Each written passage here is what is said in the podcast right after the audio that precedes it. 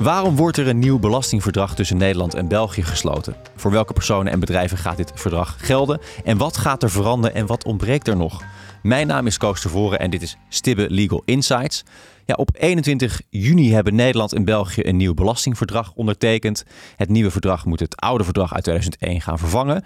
En met het nieuwe verdrag hopen Brussel en Den Haag enerzijds bepaalde bestaande knelpunten weg te nemen. En anderzijds bevat het ook bepalingen om belastingontwijking door misbruik van het belastingverdrag aan te pakken. Nou, ik ga erover praten met de advocaat van Stibbe, Johan Vrolijk, uh, Julie Smets en Lotte Hover. Welkom alle drie. Dankjewel. Dankjewel. Ja, dit jaar is dat nieuwe uh, verdrag dus ondertekend. Um, maar goed, belastingen uh, worden over het algemeen op nationaal niveau geïnd denk ik altijd.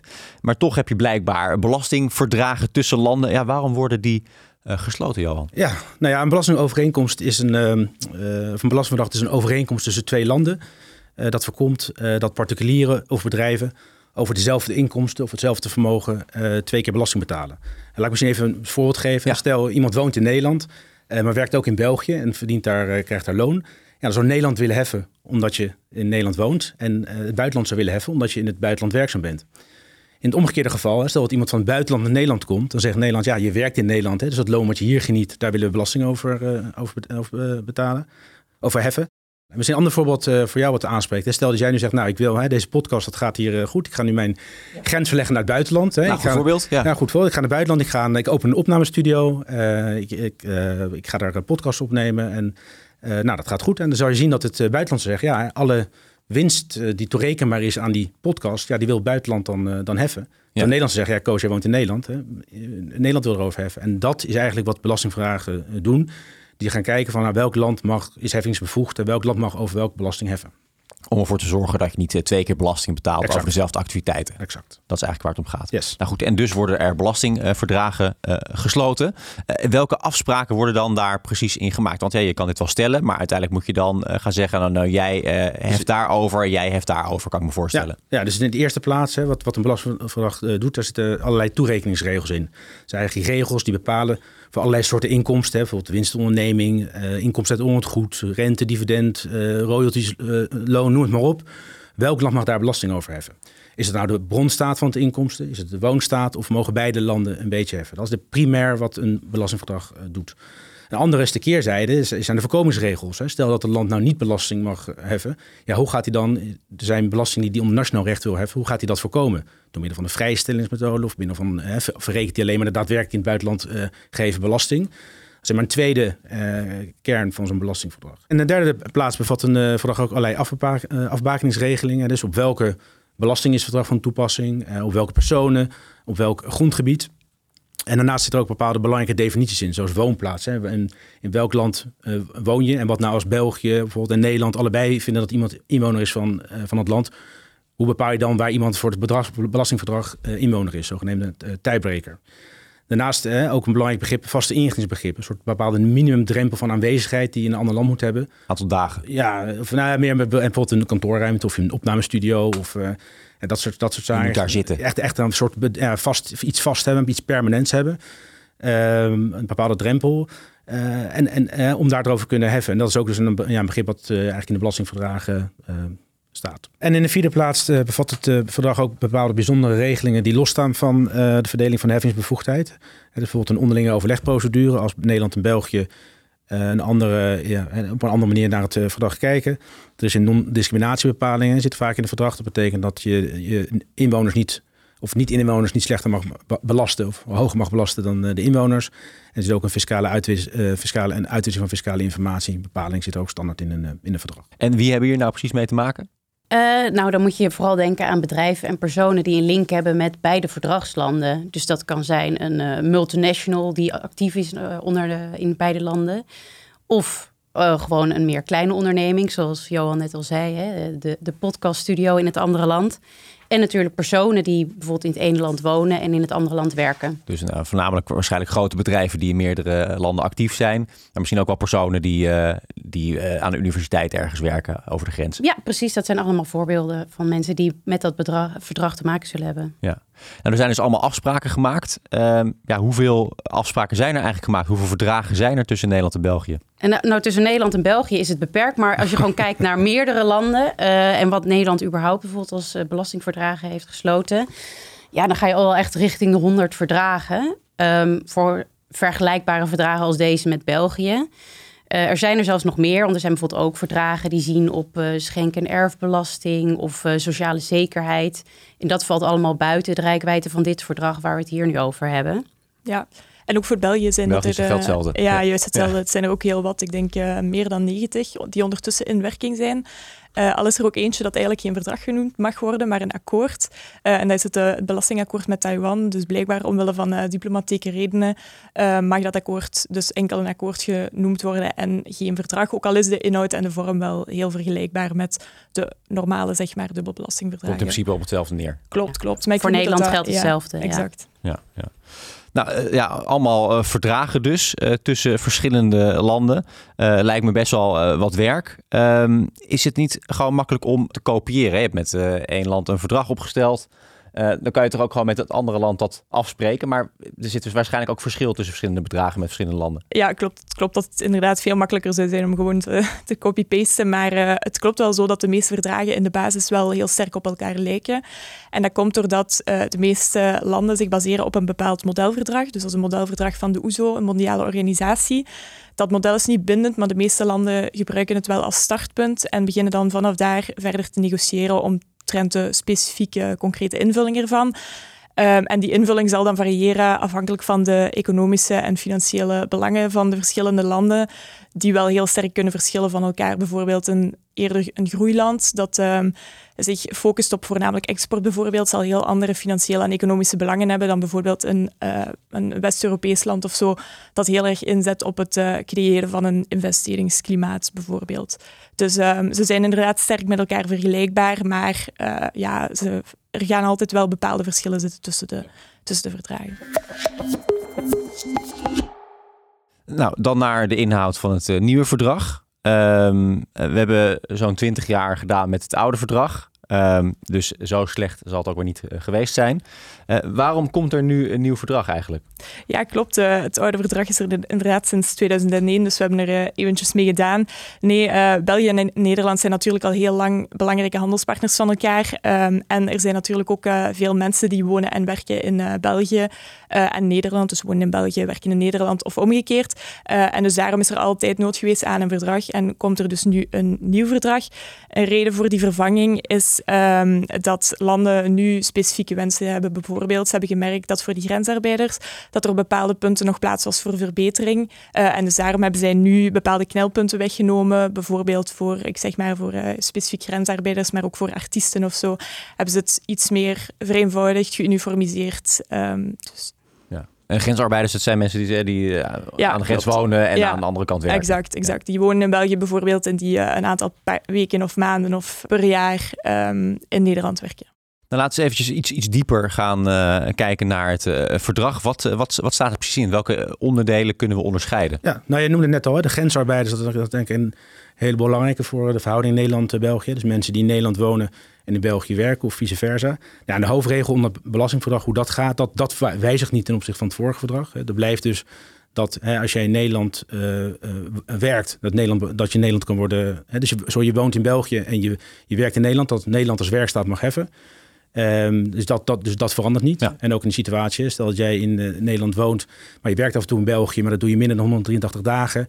Je werkt niet voor een Belgische werkgever of niet, jouw Nederlandse werkgever heeft niet de zogenaamde zo'n vaste inrichting in het buitenland ja, dan mag Nederland uitsluitend heffen. Dat, dat verandert ja. niet, dat, dat was zo en dat, dat blijft zo. Maar goed, uh, sinds uh, de, de, pandemie zijn er ook heel veel mensen thuis uh, gaan ja. werken. Hoe zit het met die groep mensen? Ja, dat is nou, daar zit, daar, dat, dat, Nederland wil daar heel graag iets voor regelen. En daar zit dus niks op dit moment niks op in het, opgenomen in het verdrag. Dus wordt wel gezegd, hè, we zijn ermee bezig, Nederland en België. Maar omdat ze niet dit verdrag wilden ophouden, heeft men ervoor gekozen om het verdrag op vast te publiceren. En zal dus in, het, ja, in de goedkeuringswet, die dus, nou ja, volgend jaar uh, zal volgen, zal daar in ieder geval uh, bij een protocol een, uh, een, bepaling voor worden getroffen. Want Nederland wil heel graag eigenlijk aansluiten bij de regeling zoals het bij sociale zekerheid gaat. Dat is eigenlijk als je, mag je 50% van je tijd in je woonstaat werken, zonder dat je daarmee in je woonstaat ook sociaal verzekerd bent. En Nederland zou ze ook eigenlijk willen dat je, stel dat je 50% in, in, in, in, bijvoorbeeld in Nederland werkt, En dat je nog wel steeds geen verschuiving van de belastingplicht krijgt. Dat je gewoon blijkt. Dus dat, ja, dat komt eraan.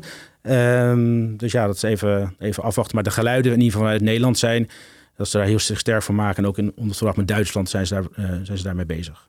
Ja. En bestuurders, eh, als je in het ene land woont, maar een, een vennootschap hebt in het andere land? Nou, onder het huidige, onder het huidige verdrag ben je dus dan volledig. Hè, stel je woont, België, je woont in België in het bestuurder van een Nederlandse vennootschap. Ben je volledig in Nederland uh, val je onder de belastingheffing. Ook ongeacht waar je werkzaamheden verricht. Ja, en dat wordt veranderd dus wel in het nieuwe verdrag. Er komt een soort uh, splitsing tussen bestuurswerkzaamheden en werkzaamheden die je als werknemer verricht. En dan voor die bestuurswerkzaamheden blijf je dan belast, onder de belasting vallen daar waar, die, waar je werkgever of de entiteit zit. En voor die, ja, die, die werknemersactiviteit is dan ook weer belast daar waar je werkt. Dus Hoe maak je dat onderscheid dan? Nou, dat, dat, dat vraag ik me ook af. En ik heb altijd begrepen, als je bestuurder bent, dan ja, dat verricht je al je werkzaamheden als, als bestuurder. En ik, ik kan me bijvoorbeeld voorstellen bij bijvoorbeeld iemand die een bestuursvoorzitter is van een kinderdagverblijf. En die ook voor de groep met kinderen staat. Dat je heel duidelijk kan zeggen, oké, dit is een bestuurder en dit zijn werknemersactiviteiten. Maar als je kijkt naar een CEO van een grote multinational, vind ik, ben ik benieuwd wel hoe die knip wordt gemaakt. Dat, daar, daar zal denk ik wel een nadere uitleg over komen.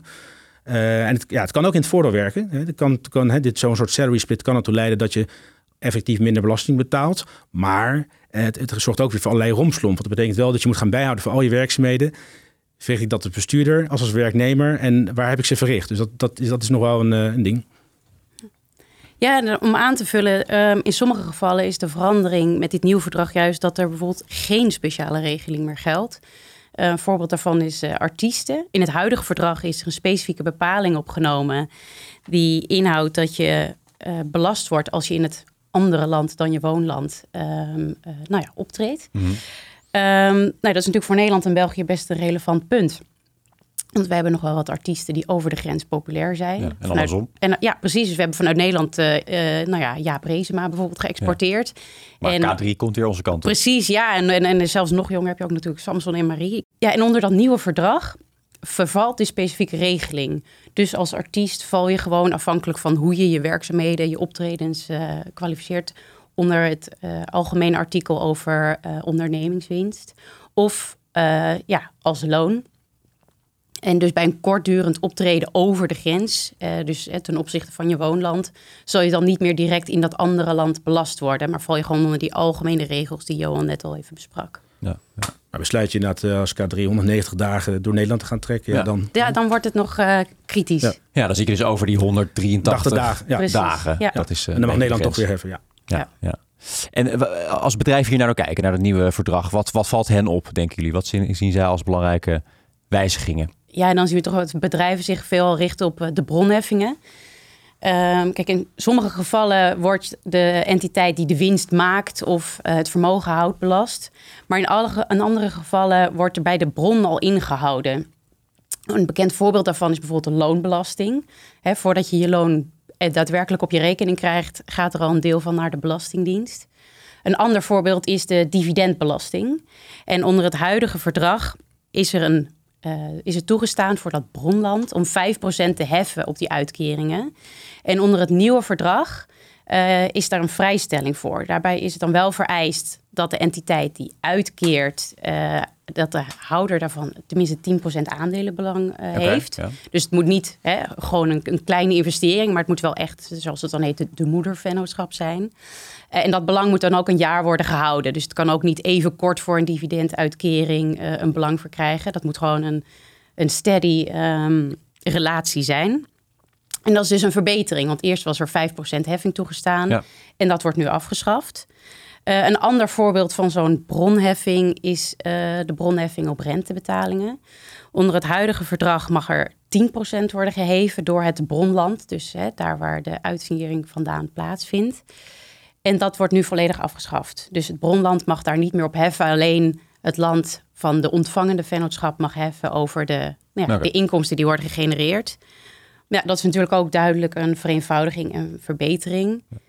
Waarbij ik dan wel opmerk dat dat vooral uh, belangrijk is voor uitkeringen vanuit België, omdat Nederland gewoon onder de nationale wet uh, een hele beperkte heffing kent op uh, rente. En um, ja, verdragen verdelen alleen maar heffingsrecht. Een verdrag kan geen heffingsrecht in het leven roepen. Dus het is niet dat Nederland nu ineens zou mogen heffen als het verdrag dat toestaat. Altijd heb je de nationale wet als basis. Ja, ja. Maar goed, onderaan de strepen wordt er dus minder belasting geheven met dit nieuwe verdrag. Nou, minder dubbele belasting. Ja, vooral. minder dubbele belasting. ja, dus uiteindelijk minder, wordt er minder geld ingezameld. Ja, dat, in, in, totaal. Dat zou je kunnen stellen, toch? Dat zou je kunnen stellen. Maar ja, dat is dus ook wel, maakt dat natuurlijk investeren dan uh, aantrekkelijker. Dus Ja. dat is niet per se een kwalijke zaak. Nee, Uh, voor bedrijven is dat positief. voor bedrijven is het positief, maar het kan dus ook voor ons allemaal positief zijn, afhankelijk van wat die bedrijven daarmee gaan doen.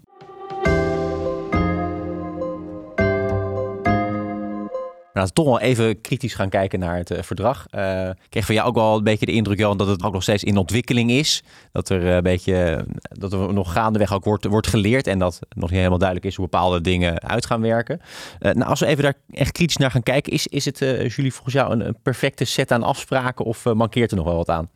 Ehm, niets perfect, vrees ik. Dus eh, hetzelfde geldt denk ik voor dit verdrag.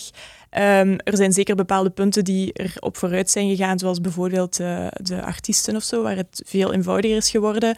Ehm, maar er zijn ook bepaalde punten die ofwel niet gewijzigd zijn en waar het een beetje jammer is dat ze niet gewijzigd zijn, of die wel gewijzigd zijn eh, en waar we ons vraag bij kunnen stellen van ah, is de wijziging wel, wel ideaal? Ehm, zo is er bijvoorbeeld eh, een wijziging gebeurd aan het eh, toepassingsgebied eigenlijk van het verdrag. Dus het verdrag is nu niet, meer van toepassing op eh, belastingen op het vermogen, maar enkel nog op belastingen op inkomsten. Nu, zowel Nederland als België hebben geen eh, algemene vermogensbelasting, maar dat wil daarom niet zeggen dat er geen gedeeltelijke vermogensbelastingen zijn. Want België heeft bijvoorbeeld eh, de jaarlijkse tax op de effectenrekeningen. Dus dat is een, eh, een tax van 0,15 procent. Die wordt gegeven op effectenrekeningen die worden aangehouden en die een gemiddelde waarde hebben van minstens 1 miljoen euro. Nu, die Belgische effectentax is niet enkel van toepassing op Belgische inwoners, maar kan ook van toepassing zijn op bijvoorbeeld Nederlandse inwoners als zij een effectenrekening aanhouden bij een Belgische bank.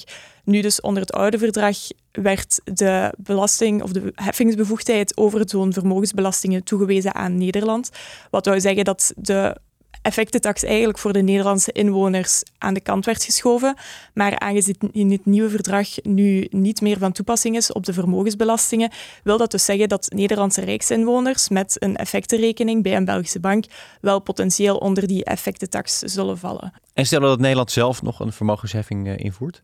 Ja, dat is uh, een beetje de vraag. Momenteel voorziet het verdrag daar wel iets voor. Dus in het protocol eigenlijk bij het verdrag staat dat beide landen dan terug samen aan tafel gaan zitten om te kijken hoe ze daaraan gaan verhelpen. Uh, maar zelfs daar is het nog niet volledig duidelijk wat ermee bedoeld wordt. Want bijvoorbeeld de effectenbelasting waar we het net over hadden, is maar een gedeeltelijke vermogensbelasting. Uh, dus de vraag is dan... Uh, gaan de beide landen ook terug samen aan tafel wanneer Nederland ook een gedeeltelijke vermogensbelasting invoert? Of gaat het telkens om algemene vermogensbelastingen? Dus ook daar is het nog een beetje afwachten wat het, uh, wat het zal worden. Wat is er uh, niet gewijzigd, wat volgens jou wel gewijzigd had moeten worden? Um, wel, bijvoorbeeld het uh, pensioenartikel is niet gewijzigd. Um, het pensioenar pensioenartikel dat is een, uh, een vrij complexe regeling die er eigenlijk in voorziet dat um, pensioenen die worden verkregen door een inwoner van een bepaald land, maar die werden opgebouwd deels in een ander land, dat daar, daar wordt iets voor voorzien. Dus concreet, uh, een Belgische rijksinwoner krijgt uh, een pensioen, maar heeft dat deels uh, fiscaal opgebouwd in uh, Nederland, dan wordt er eigenlijk voor voorzien in het oude verdrag en dus ook nog onder het nieuwe, aangezien het niet gewijzigd is, dat dat pensioen belast wordt in België, behalve als er voldaan is aan bepaalde voorwaarden. Dan kan dat pensioen ook belast worden in Nederland. Die voorwaarden zelf zijn vrij complex. Het komt er eigenlijk op neer dat die pensioenen soort van voldoende belast moeten zijn in België. Um, en het is net daar dat er een beetje discussie over is tussen de Nederlandse en de Belgische belastingadministratie. Dus ze lijken het niet echt eens te worden over wanneer er voldaan is aan die voorwaarden. Daar is veel discussie over. Het gebeurt wel meer dan eens dat iemand, een Belgische rijksinwoner, inderdaad door Nederland en België wordt belast op zijn pensioen. Dus daarvoor is het zeker jammer dat het uh, ja. dubbelbelastingverdrag momenteel nog Ze niet zijn er niet uh, uitgekomen niet en hebben er dus geen beslissing over gemaakt. Klopt, nog niet. Misschien in de toekomst, maar wie zal het zeggen? Ja.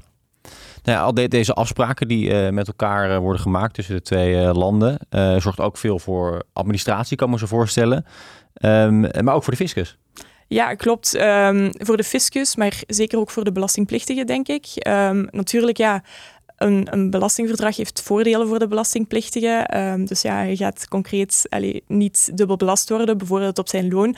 Maar dat wil ook zeggen natuurlijk dat hij bepaalde formaliteiten zal uh, moeten vervullen. Denk bijvoorbeeld voor ondernemingen aan een, uh, een woonplaatsattest bijvoorbeeld, om uh, vrijstellingen of verlaagde tarieven voor de bronheffingen te bekomen.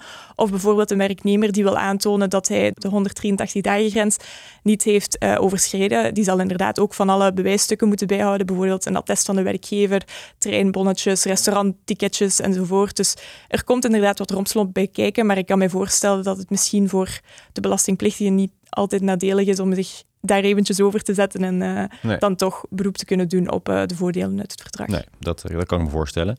Uh, dan ja, Lotte, er is dus nu sinds 21 juni iets veranderd. maar is dat nu ook al daadwerkelijk op dit moment veranderd? Of gaan we dat pas in de toekomst zien? Dat ga je inderdaad pas in de toekomst zien. Er moeten nog stappen worden genomen. Uh, het verdrag moet nog in beide landen worden geratificeerd. Wat eigenlijk gewoon een chique manier is om te zeggen dat het nog moet worden goedgekeurd. Ja. Um, de vorige keer, het verdrag van 2001, duurde dat zo'n anderhalf jaar. Uh, en dat zou een vrij gemiddelde periode zijn als dat ook hier weer het geval is. Um, er zijn voorbeelden van verdragen waarbij het veel langer duurt. Bijvoorbeeld het verdrag tussen Nederland en Kenia is in 2015 ondertekend, maar wacht nog altijd op goedkeuring. En daar zijn partijen inmiddels in zo'n stadium aangekomen dat ze denken dat gezien de ontwikkelingen uh, sinds 2015 in ook de positie die Nederland nu typisch inneemt bij ontwikkelingslanden en wat belangrijke punten zijn, dat het misschien nuttiger is om gewoon opnieuw te beginnen met onderhandelen. Maar waar ligt het dan aan? Waarom uh, wordt het dan niet geratificeerd? Ja, dat is heel erg de vraag. Het is doorgaans, uh, nou ja, natuurlijk de regering van een van de verdragspartners waar het oponthoud zit. Um, en dan op een gegeven moment heb je natuurlijk een kans dat het gaat opstapelen. En zoals hier inmiddels is de realiteit, heeft het dan ingehaald. Um, en is een nieuw verdrag. Ja. Ook dat natuurlijk, ja, zeker. Um, ja, en dan is een nieuw verdrag misschien nuttiger. Dus ja, en wordt het, het verdrag wat is ondertekend überhaupt nooit werkelijkheid. Maar hier is uh, de, ja, zou dat Goede hoop 1 januari 25, hè? Want, ja. Maar goed, uh, aan ons zal het niet liggen, is dat wat je zegt? Nee hoor. in België? Uh, in België kan het zeker ook voorkomen. Ik uh, heb nu niet zo'n zo'n extreem voorbeeld als dat van, uh, van Kenia bijvoorbeeld. Maar we hebben ook een, een nieuw dubbelbelastingverdrag getekend met, met Frankrijk bijvoorbeeld in november 2021. Dus ondertussen toch ook al twee jaar geleden. Um, en onlangs heeft, nog heeft de minister van Financiën bevestigd dat het verdrag zeker niet in werking zal treden voor 1 januari 2025. Dus dat is toch ook zeker minstens één jaar na de eigenlijk voorziene datum. Dus... We moeten nog even wachten, dat is wel duidelijk. Klopt.